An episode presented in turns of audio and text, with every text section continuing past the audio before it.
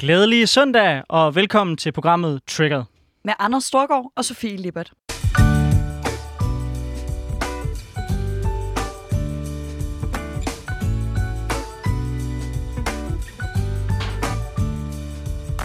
Nå, så er vi tilbage igen efter en fantastisk juleferie, Ja, hvor man øh, ikke har måttet se særlig mange, men man i hvert fald har haft mulighed for at kunne se sin familie.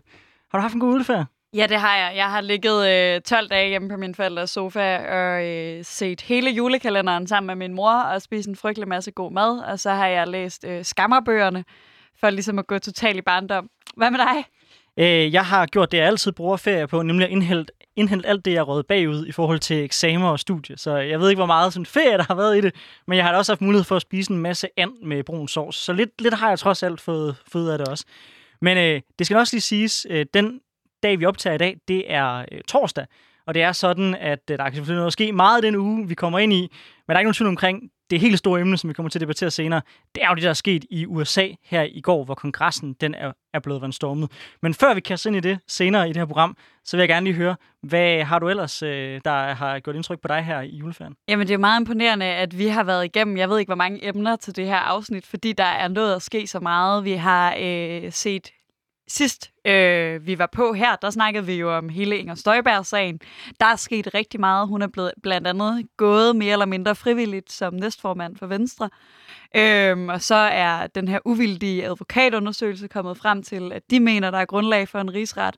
Så jeg tror, indtil, indtil i går aftes følte jeg, at det var den helt store øh, sådan, mediesag, der både havde fyldt i julen og, og i dagene efter nytår. Og lidt i forbindelse med det, hvad trigger dig? Åh, oh, jamen det gør store egoer i dansk politik i virkeligheden. Og det skal ikke forstås som, at der findes typer, der ikke må være i politik, men mennesker, der sætter sig selv og deres eget valgresultat, eller sådan set deres partis valgresultat, over øh, politik, over værdier, over øh, sådan almindelig øh, god menneskelighed, øh, det trigger virkelig mig i den her uge.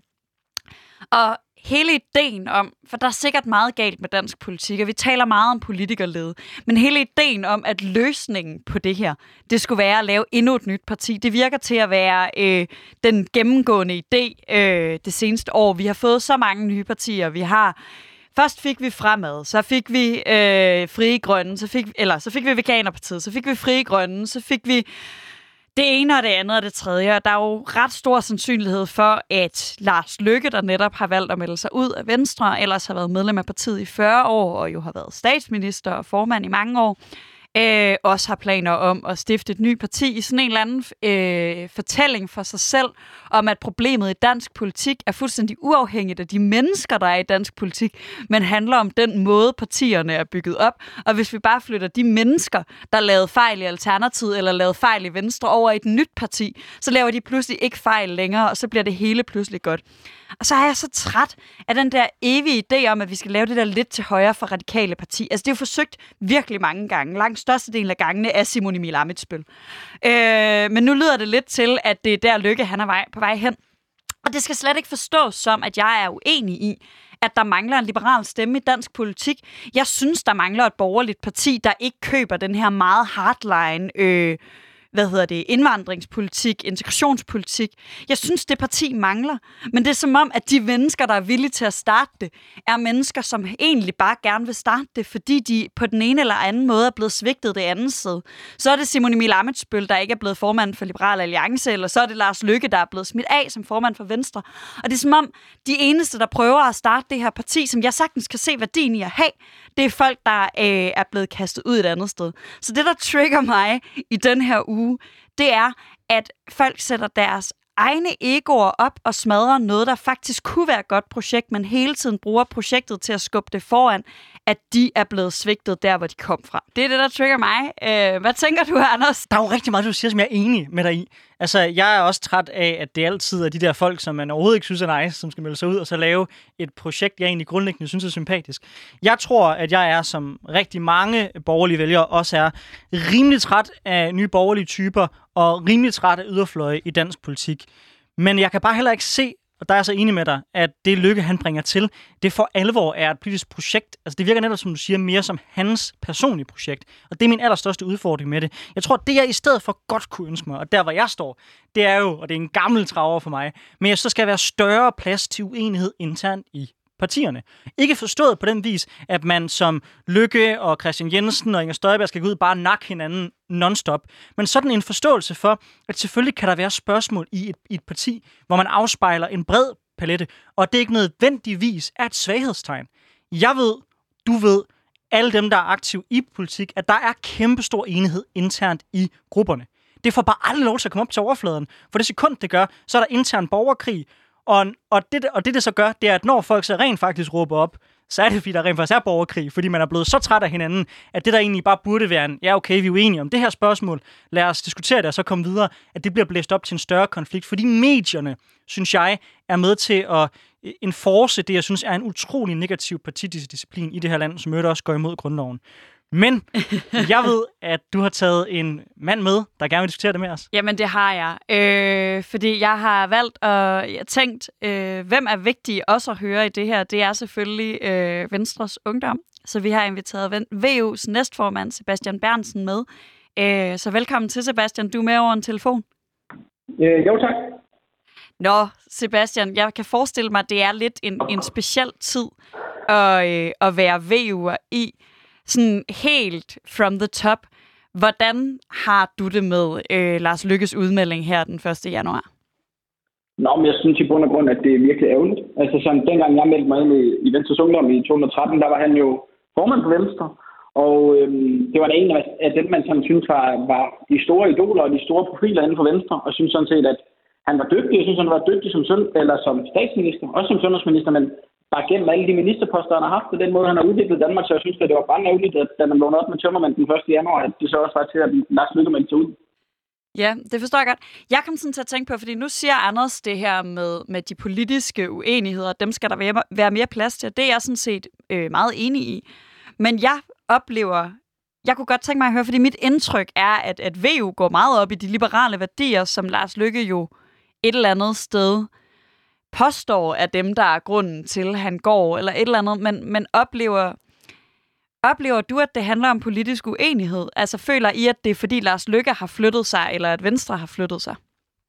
Altså jeg oplever selvfølgelig, at den linje, han vælger at ligge under folketingsvalget, hvor vi i 2019 troede, at dem, vi kæmpede mod, hed Socialdemokratiet, og det fandt det så ud af, når valgkampen gik i gang, at det var det måske ikke helt. Og så dagen før øh, selve den dag, vi skal stemme, finder vi så ud af, at det er vores bedste venner. Øh, den linje øh, tænker jeg, at der var uenighed om. Men ellers så er jeg enig i nogle af de betragtninger, jeg også selv havde, at der nok også handler om et personligt, øh, ja, både ego, men også bare ønske om at ja, fortsætte dansk politik. Men er det, ikke, er det ikke netop et udtryk, synes jeg, mere for en taktisk overvejelse, mere end en politisk overvejelse? Fordi jeg er sådan set fuldstændig enig i, at det var helt håbløst, at han gik ud og meldte, at nu skulle man kysse myse med Socialdemokratiet, fordi det var vejen frem. Men, men det han jo prøvede at signalere, som jeg tænker politisk, det er jo det her med at kunne mødes omkring nogle politiske forslag, altså konkret også kunne, hvad kan man sige, deskalere lidt den her meget partikrigeriske kultur, der er på, på, på Christiansborg. Er der ikke en vis pointe i det, og er der ikke noget, som du som VU'er godt kan se et vis resonemang i, i det han siger? Altså ikke, altså ikke på taktisk plan, men på et politisk plan? Jo, altså jeg vil sige, jeg havde det sådan, at øh, jeg kunne godt øh, egentlig sådan forstå, hvor man ville hen med det. Øh, men jeg synes, at der, hvor det går op for mig, at det måske ikke var så taktisk, men det rent faktisk bare var hans politiske ønske, det var, når man fastholdt det så insisterende, også efter valgkampen. Fordi jeg kunne egentlig godt se, at hvis man mente, at valgkampen var kørt i en spids, så sagde man ligesom, okay, nu prøver jeg at bringe noget ny energi øh, ind i valgkampen og se, er der nogle nye muligheder, hvor at, øh, jeg oplever, at den måde, man er så insisterende bagefter, viser, at, at det at det var en politisk uenighed, og han ville en anden retning øh, ja, en, en venstre parti, der gerne vil. Hvem er du mest politisk enig med? Øh, Pernille Vermund fra Nye Borgerlige eller Mette Frederiksen? Åh, oh, det er svært, men jeg, jeg vil stadig sige, at jeg, jeg går med Pernille Vermund. Okay. Okay. Øh, hvordan tænker du, det hænger sammen med mange af, sådan, det jeg i hvert fald hører VU ofte sige, de her meget liberale frihedsrettigheder, som man kærer sig enormt meget om. Er det ikke konfliktfyldt i et samarbejde med Nye Borgerlige? Øh, jo, øh, og, og af samme grund, så var det også et svært valg, fordi jeg tror også, det har været meget konfliktfyldt at få gennemført øh, for eksempel liberal skattepolitik, eller meget andet god liberal politik med Mette Frederiksen. Øh, men du påpeger helt klart de problemer, der vil være i det samarbejde med Mette Vermund. Ja, altså fordi det, det, det er lidt her, vi er enige i materien i, hvad jeg synes, der er den gode pointe. Den gode pointe er netop ikke, at man skal være et regeringssamarbejde med Socialdemokratiet, fordi det er vi for uenige med dem til. Men jeg synes, der er en god pointe i, at det vil gavne dansk politik helt generelt, hvis man prøvede lidt mere fra forslag til forslag og samle de alliancer, der jo egentlig også foregår på Christiansborg. Fordi jeg synes, nogle gange så bliver blokke også lidt sådan en absurd konstruktion, hvor jeg for eksempel som en, der står på den højre side af midten, men relativt tæt på, på midten, lige pludselig skulle have mere til fælles med dem helt ude på ydersiden af min blok, frem for dem, der står lige på den anden side af hegnet. Og, og, og den kultur, tænker jeg også, du som VU'er må kunne se et vis resonemang i. Det helt sikkert, altså, det, det er på ingen måde, fordi jeg sådan er fortaler for sådan en eller anden blokstruktur. Men jeg synes, der hvor det sådan, i hvert fald også kæden for mig hopper lidt af, det er jo sådan, ja, selvfølgelig som vi også snakker om at gå, gå i regeringen med men også den her med, at øhm, jeg føler lidt, at når man bejler så tæt til Socialdemokratiet, så handler det jo også igen om mere det at gå i regering, end nødvendigvis øh, sådan, øh, det at tale ens ideologi op og de værdier, man har, og den tilgang, man har til politik. Fordi det er klart, at hvis man man kan sagtens samarbejde hen over midt. Man kan sagtens sige, at det er det den politik, jeg står til valg på. Det er den her politik, øh, jeg mener. Og den får vi simpelthen bare bedst gennemført på nogle områder. For eksempel omkring retsstaten. Øh, med nogle af de partier, der øh, ikke for eksempel er nye borgerlige, hvor at der er andre politikområder, hvor at det vi mener, det kan vi bedst samarbejde med nye borgerlige om. Men jeg synes også, der er et stykke derfra til så at være sådan, øh, ja, som vi også snakker om, at Socialdemokratiet ligesom skulle være første valg til samarbejde. Jamen, jeg synes, Øhm, jeg, jeg kommer sådan til at tænke på, fordi noget af det, jeg er meget ude på, langt ude på en venstrefløj, det kan vi godt kalde det, og, øh, og jeg kan jo jeg, jeg har svært ved at, at komme over midten i noget samarbejde nogensinde. Så noget af det, der kan irritere mig i dansk politik, det er jo det der midtersamarbejde, men jeg kan jo godt se, at det sådan er gavnligt for, for, øh, ja, for sådan den brede demokratiske befolkning, at vi har sådan en eller anden forståelse af, at den brede midterposition øh, er den, der får, får lov at slå igennem. Men jeg tror også, jeg har meget sådan en opfattelse af, at ungdomspolitik, det handler om at være ideolog. Øhm, og jeg bliver personligt lidt provokeret, når folk, der har været meget aktive i SFU, pludselig bliver meget moderate og meget sådan, øh, kompromissøgende og, og, og regeringsinteresserede. Øh, ingen ministre nævnt, ingen ministre glemt, øh, når de bliver voksne. Altså, er der ikke som sådan jeg, jeg betragter også VU'er som ret ideologisk. Er der ikke sådan noget lidt desillusionerende over at, at kigge på den Lars Lykke, der engang var, var, var VU-formand, der nu er... Altså, jeg har godt nok svært ved at forestille mig om 40 år, hvis jeg i den vilde verden, øh, hvor jeg havde siddet i Folketinget i en stor del af de 40 år, så valgte at forlade SF. Er der ikke sådan noget lidt desillusionerende over, at, at det parti, han har været så meget en del af, og som I en del af nu, er den fælles ideologi, at den bare kan smides ud med badevandet sådan 1. januar? Det simple svar er jo jo. Øhm, fordi du, du, sætter jo, du rammer det fuldstændig rigtigt, at, øhm, og det, jeg kunne også komme med, med mange eksempler fra Venstre, hvor folk, jeg synes, der har været med til at tale en vigtig liberal sag, øh, virkelig været ideologisk og med til at forme det ungdomsparti, der altid, i hvert fald i VU, øh, for VU, altid udfordrer Venstre og øh, husker dem på, at der er sådan nogle liberale værdier, som vi er formet af, har været med til at forme de værdier, som så bagefter bliver valgt til Folketinget og glemmer dem lidt, fordi at Øh, det er også vigtigt at få nogle stemmer. Og så bagefter øh, faktisk slet ikke øh, har nogle af de værdier, fordi at, jamen, at stemmer og taktik, det bliver, det bliver vigtigere end den politiske kamp, man egentlig var grunden til, at man meldte sig ind. Men jeg synes, at der er en afgørende forskel på de ting, som I siger, og det er som om, jeg tror måske, der er en vis uenighed mellem os tre her, fordi det er som om, synes jeg, I sætter lighedstegn mellem at være lojal over for det parti, man er en del af, og så at være ideologisk konsistent, hvor jeg jo netop vil mene, at man meget ofte er ideologisk konsistent, også ved nogle gange at ture og være uenig med ens eget parti. Det er i hvert fald det, jeg tænker, der også ofte er der, hvor man viser, at man er andet end et udslag af et, et partiprogram. Så det er i hvert fald sådan, jeg reflekterer om det. Og jeg, og jeg tænker også, at, at du som VU'er må tænke, når Støjberg står på den ene side, og Lars Lykke står på den anden side, og begge folk er utilfredse, siger det ikke noget omkring, at der netop er en kæmpe hvad kan man sige, spænding internt i et parti, hvor det kan være svært nogle gange, tænker jeg, at kode det ned til bare et spørgsmål om, om loyalitet, fordi at man jo er forskellige politisk, tænker jeg. Jeg tænker ikke, at Janne Jørgensen og Støjberg er de samme mennesker, eller mener tæt på det samme politisk. Og det synes jeg jo egentlig er en styrke ved Venstre, men det er som om, at det, fordi vi ud fra den her, den her logik ser det hele som et spørgsmål om partiloyalitet, så bliver det en svaghed. Altså, jeg, jeg giver dig helt ret i, at, og det, det mener jeg stadigvæk, at Venstre, at Venstre har en fordel i at være et parti, der rummer meget bredt og fagner meget bredt. Øh, også altså, internt i partiet. Øh, du nævner selv øh, Janne og Inger Støjberg. Øh, og det synes jeg også klart er en fordel, men jeg synes øh, ikke, at for eksempel det, Lars Lykke nødvendigvis har gjort, er en måde, hvor man siger, at vi tager en intern debat om, hvad er egentlig bedst for Danmark? Hvad er det egentlig, vi vil? Hvad er egentlig vores værdier? Hvad er det for et ønske, vi har for det her samfund? Øhm, fordi så har vi jo taget den interne debat og sagt, hey, lad os øh, til landsmødet snakke om, øh, hvad er det egentlig, vi skal med det her samfund? Øhm, og det er jo ikke den oplevelse, jeg helt havde af lykke. Øhm, fordi ellers er jeg jo enig, hvis man, hvis man internt tager en debat om, hvor det man skal hen. Det synes jeg er fint. Det er der også plads til at være uenig om. Og jeg tror egentlig også, Jamen, jeg tror, grunden til, at, at jeg holder så meget på den der partiloyalitet lige nu, er, at jeg ikke tror på, at det er en ideologisk uenighed med Lykke. Altså, han har, som jeg ser det, har Lykke jo tilladt øh, alt det, Støjbær står for. Og nu lyder det så som om, at det er det, han reagerer på, og det kommer han så til at gøre lige efter, man så har sagt, at det er her, vi trækker grænsen, Støjbær, og så går den ikke længere. Altså, der er sådan et eller andet, der er et eller andet i den her situation, der gør, at jeg faktisk ikke tror på, at ret meget af det her, det handler om politik. Og handlede det om politik? Handlede det om, at han hele tiden havde ment det samme? Eller for den sags skyld havde opdaget, at han stod politisk et andet sted, øh, men at partiet, end partiet gjorde, så tror jeg, jeg synes, det ville være fair nok. Det handler ikke på den måde om partiloyalitet.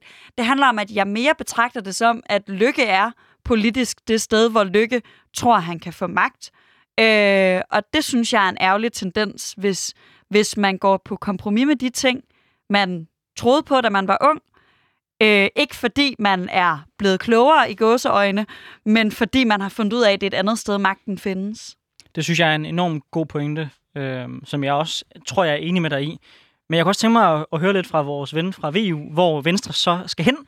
Øh, så mit spørgsmål til dig nu, øh, det er, hvordan ser du, at Venstre genvinder regeringsmagten? Hvordan får vi genopbygget det borgerlige samarbejde? Hvad skal vi bygge på, og hvordan skal vi hive nogle vælgere over midten? Eller skal vi bare blive med at slås om de der cirka 40 procent? Øh, ja, det er selvfølgelig et stort og godt spørgsmål. Jeg tror, at der er mange i Venstre, der har været glade, hvis jeg kunne starte det Du får, øh, du får, du får 10 sekunder. Men ikke desto mindre, så tror jeg i hvert fald, at, og det er også det, jeg sådan føler, vi har, vi har snakket om, det er det her med, at øhm, blokpolitik ikke behøver at være nødvendigt, men hvis man sådan skal komme ud med det, man mener, så bliver man også nødt til at være at sige, der er nogle værdier, vi står for. Og jeg tror egentlig, at det, som det savner ved de borgerlige partier, det er, at man egentlig bare sådan hver især siger, at det her, det er de værdier, vi står for. Vi, vi mener, at det her skal ske på samfundet. Vi mener, at skatten skal ned, og øhm, øh, andre gode liberale mærkesager. Øh, og så bagefter, så finder man ud af, at hey, vi har alle sammen nogle værdier, og de værdier øh, vil i langt størstedelen af tilfældet øh, formentlig igennem sammen. Og der er nogle af de her ting, og det kan være øh, ting omkring øh, retsstaten, eller øh, hvis der er nogle steder, hvor man synes, at udlændingepolitikken bliver for skarp, jamen, så, så er der nogle steder, hvor man kan søge et andet samarbejde. Men jeg tror, så længe, at øh, man fokuserer så meget på, at vi skal være enige om alt hen på blokken, og ellers så slår vi bare på hinanden, så tror jeg, man går galt. Man skal i højere grad turde sige, hvad man selv mener, og turde sige, hvad er det for en retning, vi vil. Og så tror jeg egentlig ikke, at enderne er så langt, at vi ikke kan mødes. Må jeg stille sådan et, et... Jeg er jo meget uden for den her øh, sådan samtale om, om hvor Blå Blok skal hen-agtigt, men, men jeg øh, er rigtig glad for Twitter, øh, og der florerede vældig meget sådan en flot grafik, som Sabers havde lavet, med bud på, hvad der kunne samle øh, den borgerlige blok. Og det eneste, og det er også fordi, det er Cepos. Cepos er en øh, borgerlig liberal tænketank, øh, til dem, der ikke kender Cepos.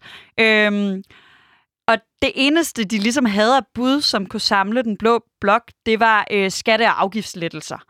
Øhm, og jeg kunne godt sådan tænke mig lidt udfordrende at spørge jer begge to egentlig.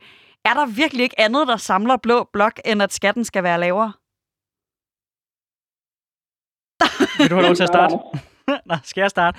Øh, jamen, jeg interesserer mig ikke særlig meget for spørgsmålet, hvad der samler blå blok. Det må jeg, det må jeg være helt ærlig og så, og så sige. Jeg ved godt, at CEPA og så mange andre borgerlige taler meget om det, og mit eget parti gør også meget for at prøve at samle borgerlige om det jeg tror, jeg er mere fokuseret på, hvad jeg selv synes, vi bør gøre, mere end sådan at prøve at finde ud af, hvordan kan jeg strække mig selv til at rumme Nye Borgerlige på den ene side, og hvad jeg er Jan Jørgensen på den anden side. Altså sådan, det, det, det, det, det, det er ikke det, der florerer i, i, i mig. Øhm, men men for, i stedet for at pege på, hvad jeg mener er det borgerlige Danmarks udfordringer, så er det primært, at når de fleste folk, der ikke i dag er overbeviste borgerlige, kigger på det borgerlige Danmark, så ser de nogle folk, som de tror, at det eneste, der gør en person borgerlig, det er, at man ikke kan lide indvandrere, og det er, at man typisk gerne øh, vil fokusere på sig selv, fordi meget af vores skattedagsorden og meget af vores økonomiske politik desværre med succes er blevet framet af socialister som et forsøg på at rave til sig.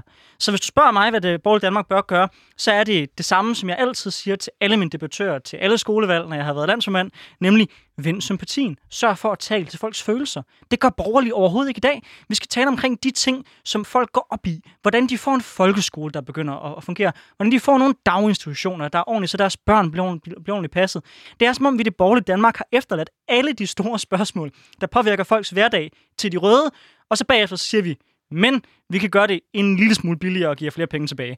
Og, og sorry, men det, det tror jeg bare ikke, at, at størstedelen af Danmark, at, altså, at, at der hvor de virkelig går op i det. Det tror jeg simpelthen ikke. Så øh, det, jeg godt kunne tænke mig, det er i langt højere grad, at vi som borgerlige viste et mere menneskeligt ansigt. Det tror jeg er vejen til at genvinde vælgere. Hvad siger du, min kære VU-ven? Ja, men altså, jeg synes, det er en vis relevant pointe, og jeg er meget enig med dig. Og den anden, hvis vi lige skal supplere med en ting, det er også, at jeg tror, at alt for meget borgerlig politik, det købes på de røde præmisser. Altså, jeg synes, det er fint at sige, prøv at høre, ved du hvad, jeg synes, folk godt kan tage noget mere individuelt ansvar. Vi vil gerne have, at staten ikke nødvendigvis behøver at vokse helt enormt meget hver eneste år.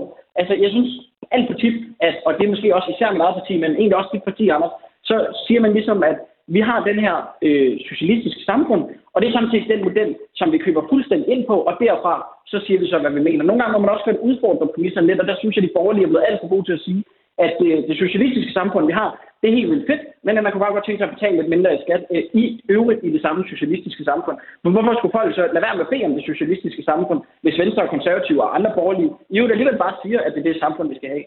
Øhm, og for at svare på den del omkring Cepos, så synes jeg også, at, og jeg tror egentlig, at hvis man har følt Twitter, at det heller ikke mange andre end liberale alliancer, der nødvendigvis synes, at det var lige absolut den eneste måde, man kunne samle blå blok. Øhm, selvom jeg der øvrigt synes, det var nogle fine forslag, vi havde, så tror jeg, at øh, man skal meget videre og øh, et andet sted end kun at snakke om skattepolitik. Det tror jeg, der er en rigtig reel pointe i, men hvis vi skal komme ud til det punkt, så tror jeg, at vi som borgerlige skal være bedre til og udfordre socialisterne, ikke bare på spørgsmålet omkring, om staten skal være større, men i forhold til det med at prioritere. Fordi det, der kan få en socialdemokrat til at smelte sammen, det er, hvis du beder ham om at vælge mellem to ting. Vi kan bare se det på klimapolitikken, hvor det, det bliver dækket ind af sådan en eller anden form for øh, sværte om, at man kan ikke være grøn uden at være rød, som i virkeligheden er en anden måde at sige, jeg tør virkelig ikke prioritere mellem flere penge til velfærd eller klima, så derfor kan I bare få begge dele. Der, hvor jeg tænker, at vi som borgerlige skal kunne vinde over de røde, det er netop ved at turde gå ind og sige, for eksempel, når vi snakker børnepenge, hvorfor er det, alle folk skal have en børnecheck?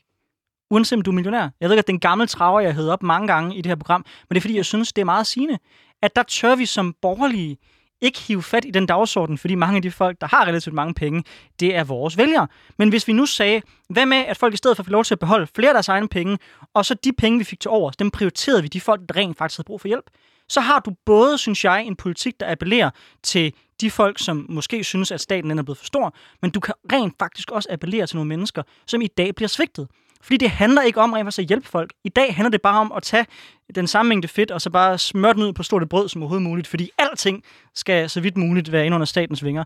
Der, der mener jeg, at det er der, vi skal, vi, skal, vi skal sætte ind. Vi skal ture fremtvinge prioriteringer hos de røde.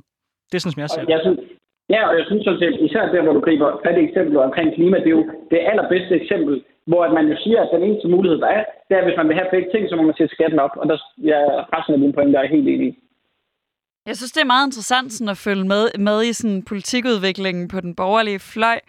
Fordi jeg jo på den ene side er, er lodret uenig med jer i, at, at det er den rigtige politik, fordi jeg grundlæggende er tilhænger af den universelle velfærdsstat, der øh, sådan holder giver alle øh, samme vilkår. Men, men jeg kan jo godt se, at det er det rigtige borgerlige synspunkt.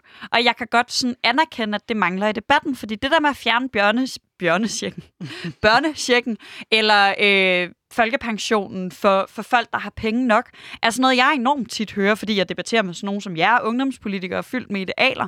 Men men så snart man går ind i p debat og hører øh, folketingspolitikerne diskutere med hinanden, så er der jo, altså så er det jo kun Liberal Alliance. Så er det kun dem, som øh, Sebastian er helt enig i, at, at jeg ved godt, at de andre er enige med mig i, at der skal noget mere til. Det var også derfor, jeg prøvede sådan at stille spørgsmålet for lige at understrege det.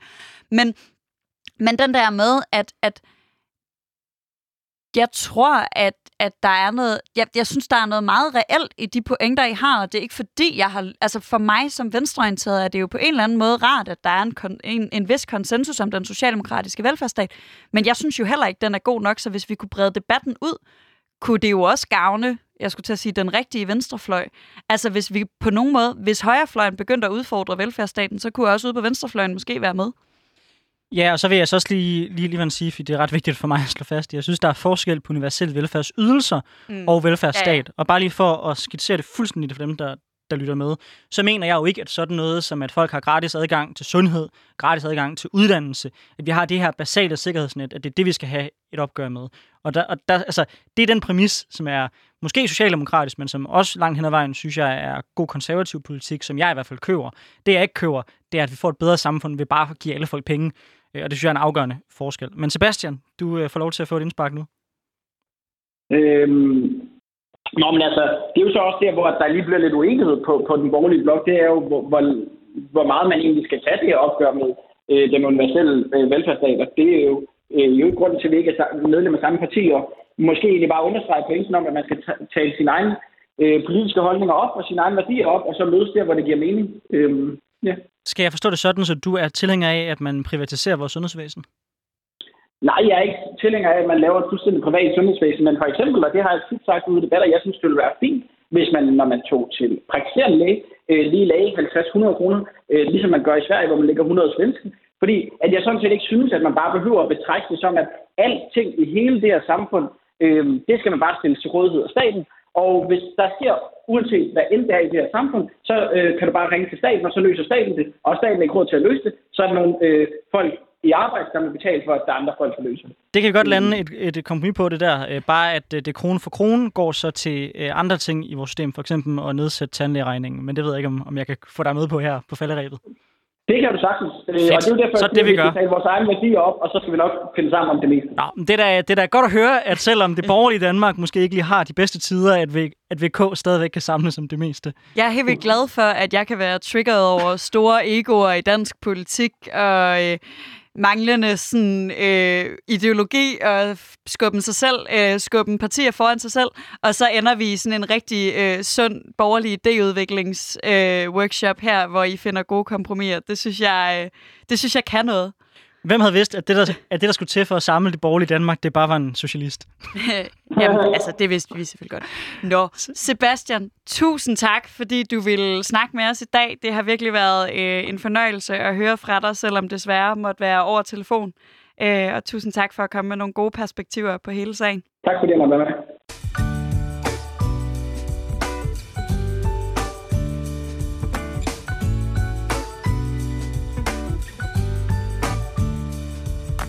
Hold op, der fik du øh, samlet næsten hele det borgerlige Danmark, i hvert fald det, jeg vil kalde det rigtige borgerlige Danmark, nemlig VK. Imponerende arbejde. Jamen, jeg tænker, hvis den der øh, uddannelse, jeg har i matematik, den ikke øh, bliver til noget, hvis vi pludselig ikke får behov for matematikere længere, så kan jeg blive parterapeut. Jamen altså, det tror jeg, det er det borgerlige Danmark har brug for, så skynd, skynd, dig, skynd dig hellere at gå den vej. Nå, jamen, øh, det hele skal jo ikke handle om Venstre, og det hele skal ikke handle om øh, dansk politik. Vi skal også høre, Anders, hvad trigger dig? Ja, jeg ved ikke, om jeg vil sige, det trigger mig. Jeg tror, måske i virkeligheden, jeg vil starte med at, med, med at sige, at jeg har været rigtig ked af det, faktisk. Øhm, som de fleste nok ved på det her tidspunkt, så skete der det i går, at, øh, at kongressen i USA, den blev stormet af terrorister, vil jeg kalde det, som er Trump-støtter, opildnet af Trump selv, opildnet af det republikanske parti, som stormede hele symbolet på vestens demokrati og skændede de lokaler, som så mange år har været symbolet på alt det, vi kæmper for. Og jeg skal være ærlig at sige, selvom det måske er en lille smule pinligt, at jeg faktisk fældt en tårer, øh, da jeg fulgte med, hvad der skete derovre, fordi det ramte mig bare på en eller anden grundlæggende måde. Og jeg tror kun til, det ramte mig, det er fordi, vi vidste det her, det ville ske. I de sidste fire år, der har jeg og mange andre borgerlige mennesker råbt og skrevet om, at hvis vi tillod, at løgn og den måde, Donald Trump han agerer på, blev normalen, så ender demokratiet med at kollapse. Demokrati kan ikke eksistere i en verden, hvor der ikke er en grundlæggende respekt for helt basale normer. Og hvad gjorde Trump støtter herhjemme så? De sagde, ej, det er jo bare en stil. Han taler bare på vegne af nogle folk, der er vrede, og derfor er vreden legitim. Derfor er det okay. Og de andre, de pynter også lidt på sandheden, og demokraterne har også lavet lidt hister her. Derfor er det okay. Nej, det er kraftedeme ikke okay. Og hvis det bare var USA, så var det en ting. Men for mig at se, der er det noget, der spreder sig i hele den vestlige verden. Og jeg vil gerne, før jeg fører den over til Danmark, lige spille et kort klip.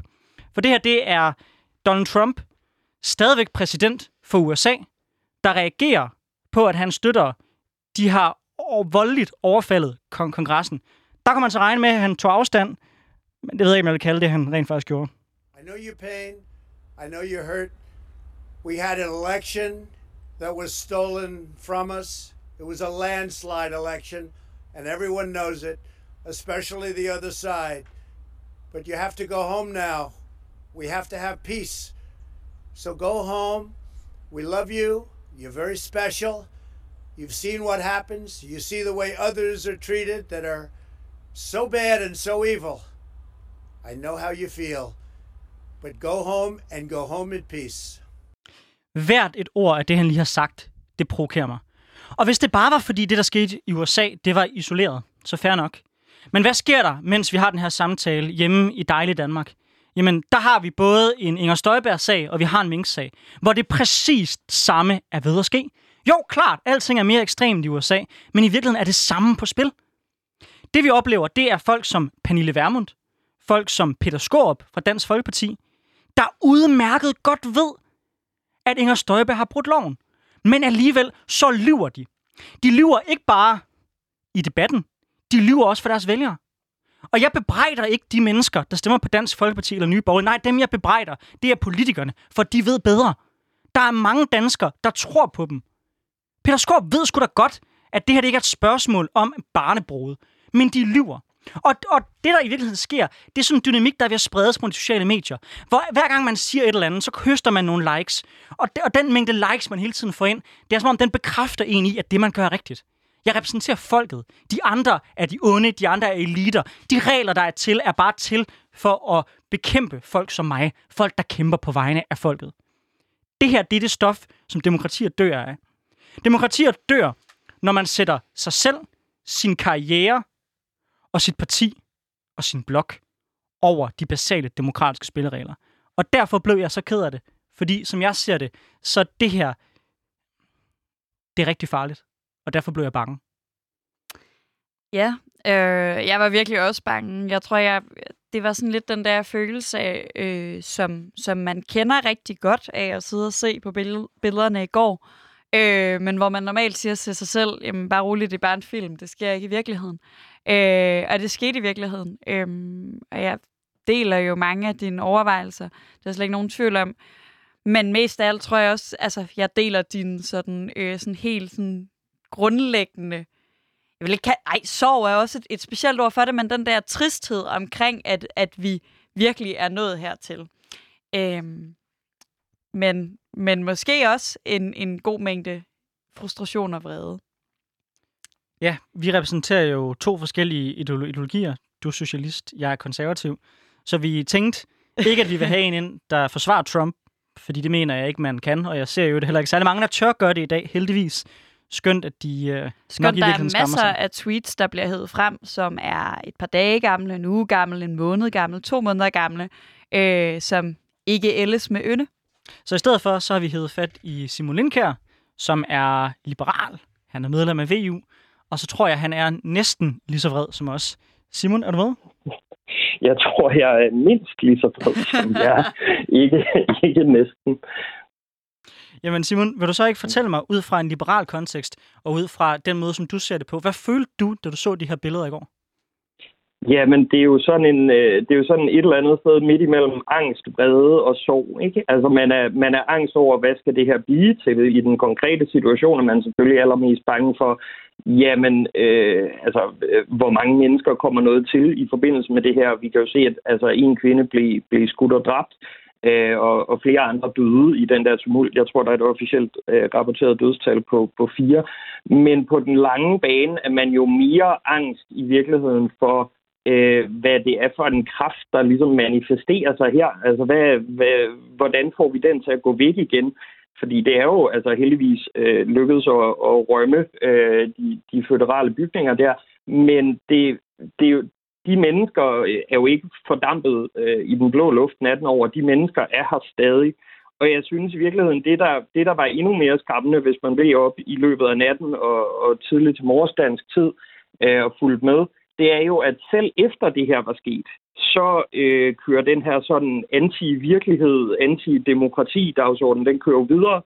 Øh, nogle af de her øh, republikanere, der er sådan allerdybest i torseriet, blandt andet et repræsentant, øh, et, en repræsentant i, i kongressen, der hedder Mo Brooks, der skriver om, jamen det vil jo vise sig, at det er antifag, øh, der i virkeligheden stod bag de her demonstrationer.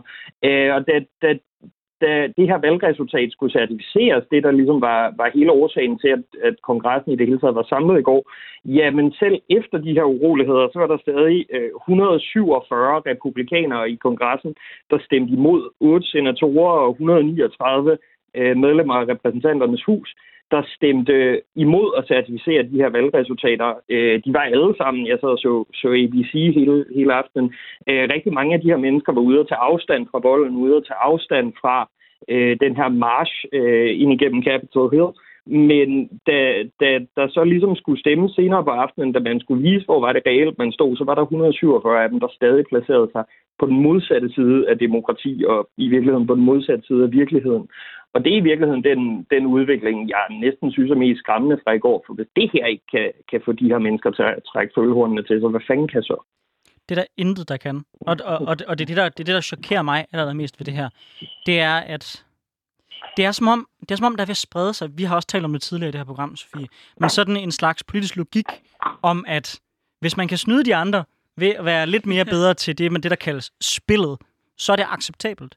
Altså de her republikanske politikere, som jeg ser det, mange af dem, de øh, laver en benhård kald kalkyl, som hedder, jeg vil gerne fremadrettet sikre mig, at jeg har Trumps base, og siden at befolkningen og de vælgere, der er republikanske, de bakker Trump op, i hvert fald mange af dem gør, så bliver jeg nødt til at gøre det samme, uanset hvor vanvittigt det Trump siger, fordi det er vigtigt for mig at bibeholde mit sæde i kongressen.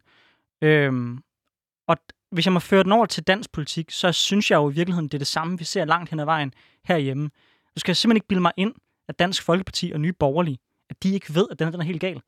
Du skal heller ikke bilde mig ind, at Mette Frederiksen, når hun står på talerstolen og bliver spurgt til lovhjelmen med det med minkene, og så bare svare, når man er, øh, er man da imod, at man gør noget for at beskytte vores, vores sundhed, at hun ikke ved, at det er manipulation i virkeligheden, at det er løgn. Den norm er ved at skride, og det er det, jeg er bange for. Hvordan har du det, Simon? Når du, når du, når du, når du ser på dansk politik, kan du se de samme tendenser, som jeg kan se? Det kan jeg i, i vidt omfang. Altså, jeg synes noget af det, det allermest bekymrende, jeg synes, øh, der er kommet i kølvandet på den her Støjberg-sag, det er jo øh, Thomas Danielsen, der valgte at lave et Facebook-opslag, hvor han gik ind og, og beklikkede den øh, dommer, der har stået i spidsen for, øh, for Instrukskommissionen, øh, for samtidig at være næstformand i flygtningenævnet, som altså øh, skal understreges en fuldstændig apolitisk udpegelse. Det er en dommer, øh, der er placeret i den nævn, det vil sige altså et organ, der sidder og, og, og tager stilling til, til konkrete individuelle sager på baggrund af, at han er dommer, på baggrund af hans juridiske kompetence. Øh, og det, det synes jeg jo er dybt foruroligende. Altså det siger jo øh, med al ønskelig tydelighed, at der er en gøgeunge, også i det, du før kaldte det rigtige borgerlige Danmark, øh, som, som vil skubbe retsstatsprincipper ud. Der er en gøgeunge, der vil politisere dommere, Øh, Øh, og, og den trussel, øh, den, er, den er alle steds nærværende. Og jeg vil sige, jeg har egentlig øh, i meget, altså den tid, jeg har været aktiv i ungdomspolitik, været meget stor tilhænger af, at man øh, tog konflikterne internt, og man, man opførte sig pænt og alt det her. Men der er simpelthen for meget på spil nu. Altså jeg, jeg er nået dertil, hvor jeg, jeg må ærligt sige, jeg synes, at der er øh, folk, der ikke øh, utvetydigt bakker, øh, bakker retsstaten op, øh, dem har vi simpelthen nu en stående pligt øh, til at gå i rette med. Øh, den, den pligt synes jeg er helt uundgåelig, øh, og den er vi nødt til alle sammen, og især os, øh, der hører til det borgerlige Danmark, og til på os. For jeg synes også, altså jeg synes et eller andet sted, øh, den der minksag er grav alvorlig og, og skandaløs, og, og ingen tvivl om det. Øh, men jeg synes, vi nærmer os falsk ekvivalens, hvis vi siger, at det handler om det samme. Altså, der er ingen tvivl om, i min optik, at den største trussel øh, mod demokratiet, den kommer fra højre, den kommer fra sådan en virkelighedsresistent øh, etnonationalistisk øh, strømning, og, og nogle steder helt ude på det yderste højre. Altså, vi kunne også for at vende tilbage til USA et øjeblik. Øh, der var en af de der demonstranter, der er blevet affotograferet i sådan en hoodie, hvor der står Camp Auschwitz. Altså, hvis det ikke er, det mest vanvittige, så, så ved jeg ikke, hvad det er. Øh, og, og de kræfter, de, de normaliserer sig mere og mere. Tilpælene bliver hele tiden rykket for hvad kan vi tillade os at gøre øh, for at bekæmpe indvandring, for at bevare øh, den, den danske henholdsvis amerikanske kultur. Altså, der er ingen tvivl om mig, øh, for mig om, at den, den værste trussel, den kommer fra højre. Den er ikke partineutral, den er ikke farveneutral. Øh, der er en særlig borgerlig pligt øh, for at, at råbe vagt i gevær her. Jeg tror, jeg deler din analyse meget, men jeg kan se, at Andersen har et behov for at sige, det, så, sige noget til det her, så det lader jeg ham gøre, når jeg lige bare for lytterne har opklaret, at Thomas Danielsen er øh, hvad hedder det, medlem af Folketinget for Venstre. Men jeg tror, ja, det... at Anders han brænder meget ind med noget lige nu. jeg ved ikke helt, hvor jeg skal starte, men jeg tror, jeg vil sige det sådan. Jeg, jeg tror, jeg deler noget af den analyse, insofar at jeg synes, det dem, der på den yderste højrefløj, ny borgerlig, stram kurs, generation identitær, det er nogle af de mennesker, der gør mig aller, allermest bange, fordi for mig er de antitesen til alt, der er dansk. Alt, der er Danmark. Alt, vi står for. Vores idé om demokrati, menneskers værdi, helt basale, synes jeg, grundlæggende menneskerettigheder, dem er de i modstrid med. Så jeg deler din frygt for det yderste højre. Men når jeg alligevel synes, det er vigtigt at nævne demokratiet, så er det ikke for at sige, at, at alting er det samme. Er det egentlig mere for, for at skitsere det her med, at, at det, der sker politisk, når nogen begynder at gøre noget, det er, at det legitimerer, at de andre kan gøre det samme. Så hvis man tillader, at Inger Støjberg reagerer på den måde, hun har ageret på, også selvom man er enig med hende, hvad sker der så? Så sidder Socialdemokraterne, og så er de klar til at agere lige så voldsomt, når de sidder i regeringen. Og når Venstre så får magten næste gang, så føler Venstre, at nu har Mette Frederiksen vist, at man gør det, så nu kan de også gøre det. Så, så det er egentlig ikke for at sige, at det er det samme. Det er mere for at sige, jeg ser os lige nu som værende fanget i en negativ spiral, hvor vi frem for at holde hinanden mere ansvarlige, for god adfærd, gode normer, ordentlighed, så hiver vi hinanden længere og længere ned i mudderet. Og derfor synes jeg, det er vigtigt at bringe begge sider ind. Fordi det er et fælles ansvar, som jeg ser det, at vi hiver hinanden op. Det er ikke særlig mange år siden, når jeg var til debatter, så oplevede jeg, at den samme kultur var i udenrigspolitik. Hvor folk var enormt aggressive, svinede hinanden personligt til, og var på alle måder ubehagelige og havde dårlig debatstil. Men jeg synes faktisk, mange af dem, der er aktive udenrigspolitik i dag, at de er gode til at huske rose hinanden, tale pænt til hinanden, have en dialog, der er ærlig, bruge mindre strømænd, generelt set have en demokratisk debat. Og lige så vel som den kultur kan forandres i ungdomspolitik, så kan den også forandres til det positive i Folketinget.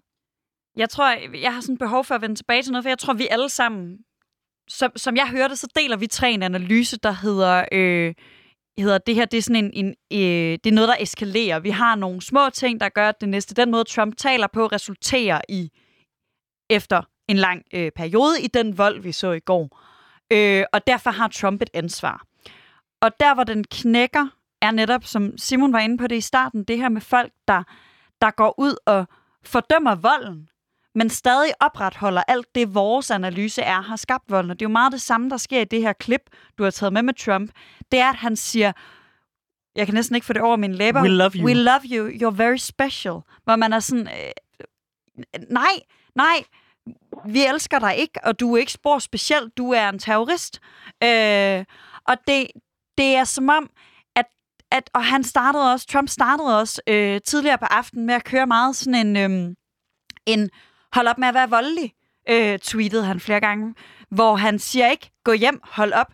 Det er tilbage til det, han brugte under valgkampen, som var det her til de her Proud Boys, øh, som jo nok har et stort overlap med dem, vi så i går, at der bruger han også den her med stand down, but stand by. Og det, der gør mig så sindssygt bange i den her situation, det er, at alle fordømmer vold. Okay, måske ikke lige Trump, men alle vi andre er enige om, at vold er noget lort. Republikanerne, selv de værste af dem, enige, vold er lort. Så tror de godt nok, øh, så skaber de lige en fortælling om, at det i virkeligheden var antifa, der gjorde det, fordi så kan man sige, at det er også nogle af dem, der var lort, der gjorde det, der var lort. Men det korte og lange er, at vi egentlig alle sammen enige om, at vold er problematisk, men hvis de folk, som ifølge den analyse, jeg opfatter, at vi tre deler, har skabt grundlaget for den her vold, de ikke fatter, at det er det, de laver, så har vi et kæmpe problem, og jeg er rædselslagen for, at vi ikke kan fordi jeg jo samtidig er så meget demokrat, at jeg ikke mener, at vi skal forbyde nogen ytringer. Så er jeg vildt bange for, hvad fanden vi skal gøre ved det her. Øhm, og jeg, jeg, det er jo også et strengt spørgsmål at stille dig, Simon, men, men jeg, jeg har bare brug for nogle perspektiver. Hvad, hvad fanden gør vi?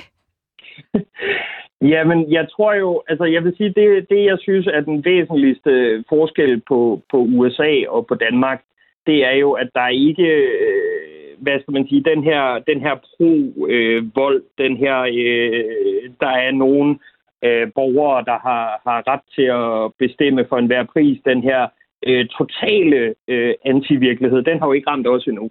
Altså, vi er, vi er, jeg er meget enig med det, Anders øh, har sagt tidligere med, at vi ser nogle af de samme tendenser. Men det er også bare vigtigt at understrege, at vi er, vi er et helt andet sted endnu. Der er gradsforskelle, og der er tid til at rette op på det. Og jeg tror, øh, det vi er nødt til at gøre, det er diskussionen. For jeg er enig med dig i, man kan ikke løse de her ytringer øh, ved at forbyde dem. Det ville jeg synes var moralsk forkasteligt, og jeg tror i øvrigt heller ikke, det ville være specielt effektivt. Vi kan løse de her ytringer ved at tage diskussionen hver evig eneste gang, vi får mulighed for det. Hver evig eneste gang, øh, der er øh, altså nogen, der øh, siger bare øh, til eksempel, at øh, nu skal Støjberg i en, øh, i en rigsret, og det må betyde, at alle dem, der stemmer for det, øh, går ind for pædofili. Øh, så er vi jo nødt til at engagere os i den debat. Vi er nødt til at, at prøve at overbevise nogle af de her mennesker, uanset hvor umuligt det kan virke, men, men jo også lige så meget overbevise alle de andre mennesker, der stemmer med, og som jo ikke har en kinamands chance for at finde rundt i kommissionsundersøgelse og advokatvurdering af kommissionsundersøgelse og øh, hister op og komme herned igen. Altså, jeg tror, det er en øh, pligt til at, at gå ind i den diskussion. Og der tror jeg, at den, øh, hvis, hvis vi skal pege på det borgerlige Danmarks øh, analyse, øh, eller det borgerlige Danmarks problem, så tror jeg, at mange af dem, der, der falder inden for øh, det, som der, øh, det, som jeg øh, tror, jeg ligesom Anders vil kalde rigtig borgerlige, vi har været meget optaget af partistruktur, vi har været meget optaget af øh, at stå samlet som parti. Vi har været meget optaget af, at øh, vi ligesom ikke har skulle have de her diskussioner øh, ud, i det off, øh, ud i det offentlige rum mere end absolut højst nødvendigt. Øh, mens at folk i, i, alle, altså i alle vores partier, begge vores partier, har fået mulighed for at køre øh, særmeldinger, har fået lov til at køre særmeldinger øh, på øh, retsstat, på integrationspolitik, som ligger fuldstændig uden for det borgerlige normalområde. Der skal vi simpelthen til at være mere aggressive. Vi skal til at vise, øh, at de forskelle findes, og der er væsentlige dele af vores partier, der ikke er indstillet på at acceptere de her ytringer, øh, som jo heldigvis i dansk kontekst slet, slet ikke har nået øh, det, hvad skal man sige, crescendo, som det er ramt i amerikansk politik. Jeg er fuldstændig enig med dig, øh, og jeg vil bare ønske, at, at det var det, jeg så så, det borgerlige Danmark gjorde. Hold kæft, hvor gad jeg godt se øh, vores respektive partiledere være benhårde hver gang Pernille Vermund eller andre går ud og laver sådan nogle fuldstændig van, vanvittige udmeldinger. For det er jo netop, når, når ens egne folk, de caller en out, at man, at man for alvor kan ændre en øh, kultur. Jeg tror bare, det jeg ser på nuværende tidspunkt, det er, at de fleste, også i det borgerlige Danmark, desværre ligesom republikanerne gør enten det, at øh, man spiller lidt med, fordi man håber på, at der kan være nogle stemmer på det, eller også så stikker man hovedet i busken og håber på, at det er overstået. Men øh, jeg er glad for, at du i hvert fald kan bringe lidt, op, lidt optimisme ind i den debat. Men hvis jeg, lige må, hvis jeg bare lynhurtigt, og nu ved jeg godt, at jeg taler længe for, så jeg nok skynde mig, bare lige må kommentere på den analyse, så er det jo også fordi, der i det borgerlige Danmark, øh, og altså i hele den, hvad skal man sige, mainstream centrum højre, øh, det politiske rum globalt jo har været en analyse af, at man kan spænde de her kræfter på sin vogn. Man kan øh, ved at tage dem ind i varmen og ikke skubbe dem alt for meget væk, jamen så kan du nå 90 mandater, eller du kan nå et flertal i kongressen, eller du kan nå et flertal i vandmandskollegiet, eller, eller hvad pokker det nu skal være. Og det kan man ikke. Altså, vi kan ikke spænde øh, det her... Altså, det er jo en flok... Øh, det er jo en flok... Øh, galninge, øh, man prøver at spænde for sin vogn. Og det vi bare kan se, det er, at når du prøver det, når du giver rum til det, jamen så er der lige pludselig, så er de her mennesker ikke længere øh, nogle passive vælgere til dit parti, jamen så er de dit parti. Og de kommer ind og bliver dagsordensdefinerende. Spørgsmålet er, kan man stadig nå at vende det? Og det tror jeg godt, vi kan i Danmark. Øh, øh det, jeg tror muligvis, eller nærmest helt sikkert, det er for sent for det republikanske parti, men jeg tror i Danmark godt, vi kan nå at skubbe de her mennesker ud i kulden stadigvæk. Og det skal vi selv være i gang med, fordi du kan ikke tøjle dem, du kan ikke spænde dem for en vogn, du kan ikke udnytte dem, de udnytter dig, som man kan se på Trump og det republikanske parti. Det tror jeg, du er ret i. Øh, og jeg vil sige, hvis jeg ikke troede på, at det var en kamp, der, der kunne vinde, så havde jeg nok heller ikke stået her i dag. øh, men, men jeg vil så sige, at jeg synes, det er vigtigt, at vi husker så også at lære de fejl, vi begik i nullerne, hvor man prøvede at skubbe de her folk væk ved at udskamme dem. At vi skal udskamme deres politikere, men vi skal lytte til de vælgere, der har en oprigtig frustration. Øh, lige så vel som Trumps vælgere også har en oprigtig frustration, men er blevet, øh, som, som jeg ser det, vildledt af nogle negative kræfter. Men tusind tak fordi du var med, Simon. Det var en fornøjelse at råbe og skrige med dig. Øh, jeg håber, du er over. Jeg er helt vildt glad for sådan, øh, øh, altså jeg, jeg ved jo godt, at I er to af de gode borgerlige, hvis man skal sige sådan, øh, fra mit øh, politiske standpunkt, øh, uagtet at vi er meget uenige med meget, men, men faktisk øh, tak for os, altså selv i den her meget sorte situation, sådan at bringe lidt håb ind i den her samtale. Det, det, det lød lidt dystert, da Anders og jeg startede, og jeg synes faktisk, det lykkedes dig, Simon, at bidrage med en lille smule håb.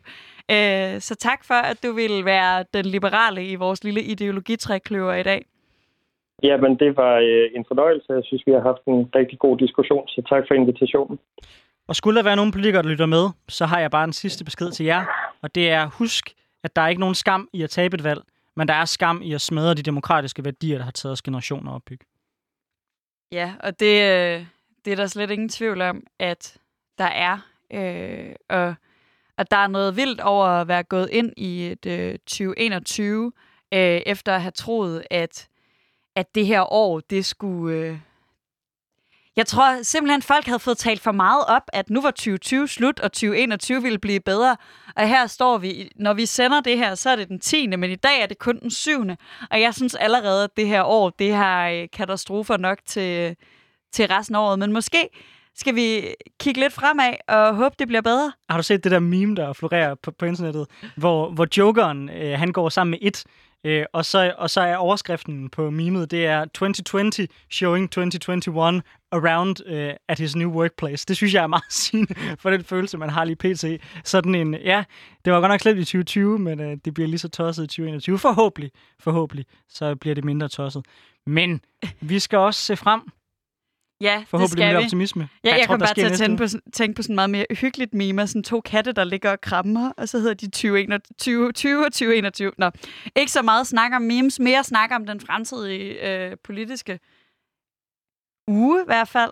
Øh, fordi nu starter Folketinget jo så småt op igen, øh, og ligesom os er de øh, mildest talt ramt af restriktioner, så måske men det plejer jo ikke at betyde, at der ikke sker meget politisk, øh, bare fordi Folketinget er ramt af restriktioner om at sidde og arbejde hjemmefra. Øh, og jeg har faktisk øh, helt glemt at tænke på, hvad der skal ske den kommende uge. Men jeg håber da, at vi får lov at snakke om sådan noget lidt mere almindeligt Så- øh, politik. Så det, du prøver at fortælle mig, det er, at du ikke den her gang har insight info- information, der gør, at når, at når det her afsnit Den her kommer gang har søndag, jeg ingen så, spot om, så er jeg når... totalt off. Den her gang har jeg ingen spot om. Jeg har ikke talt med nogen om, hvordan det går i nogle forhandlinger. Øh, så jeg kan ikke engang komme med et wild guess. Nå. Øhm, Jeg tror, at øh, frem til søndag og i ugen, der kommer, der kommer vi til at diskutere Støjbær, Støjbær, Støjbær, fordi der er stadigvæk tre partier, mig bekendt, der mangler at melde ud, hvor de står, nemlig konservativ, Venstre og Socialdemokratiet. Og den debat, tror jeg, kommer til at fylde en del. Øh, Så det tror jeg helt sikkert kommer til at være noget, der kommer til at fylde debatten. Og det er jo øh, klart de mest spændende partier at høre, hvor de står. Øh, og hvis man nu ikke er en øh, politisk nørd på samme måde, som vi er, øh, så kan det være, at man undrer sig lidt over, hvorfor Socialdemokratiet er så interessant øh, i den her sammenhæng. Fordi det burde jo være en selvfølge, at de havde lyst til at, øh, at slå på øh, Venstres næstformand. Men, men vi er jo lidt bange for, hvor Socialdemokratiet ender. Øh, af den simple grund, at hvis Socialdemokratiet stemmer for en... Øh, god gammeldags rigsret øh, ved Inger Støjberg. Hvor placerer det så dem selv i forhold til minkskandalen? Det, det vil jeg simpelthen ikke komme med en spot om, om øh, udover at jeg vil sige, jeg håber da i sidste ende, de kommer til at gøre det rigtigt. Og nu har de også hørt os, der har råbt og skrevet øh, omkring, hvor vigtigt det her det er Ja. i, i de sidste mange minutter. Så nu tænker jeg nu, det er de overbevist. Det må være, Ja. det, må være det, der skulle til. Alle socialdemokrater hører det her program nemlig. Øhm, ja, Jamen, jeg tror, du har ret i, det er der fokus bliver. Det er det, vi øh, kommer til at se. Øh, og så forhåbentlig, så venter der en øh, lidt mere klassisk politisk virkelighed om ikke så lang tid. Det håber jeg virkelig også. Og jeg håber, de vacciner kommer til at komme ud i en fart, så jeg kan få lov til at drikke nogle øl med dig igen. Ja. Det er, det er simpelthen for dårligt, at vi ikke har haft mulighed for det, og det er for dårligt, at vi ikke har mulighed for få folk herinde i, i, i, i- studiet. Men Vi savner at have gæster over for os, i stedet for gennem telefonen. det er som om, det er bare ikke helt det samme, vel? Nej, Nå, vi er tilbage igen næste søndag mellem kl. 11 og kl. 12, og vi håber rigtig meget, I vil lytte med. Tak skal I have.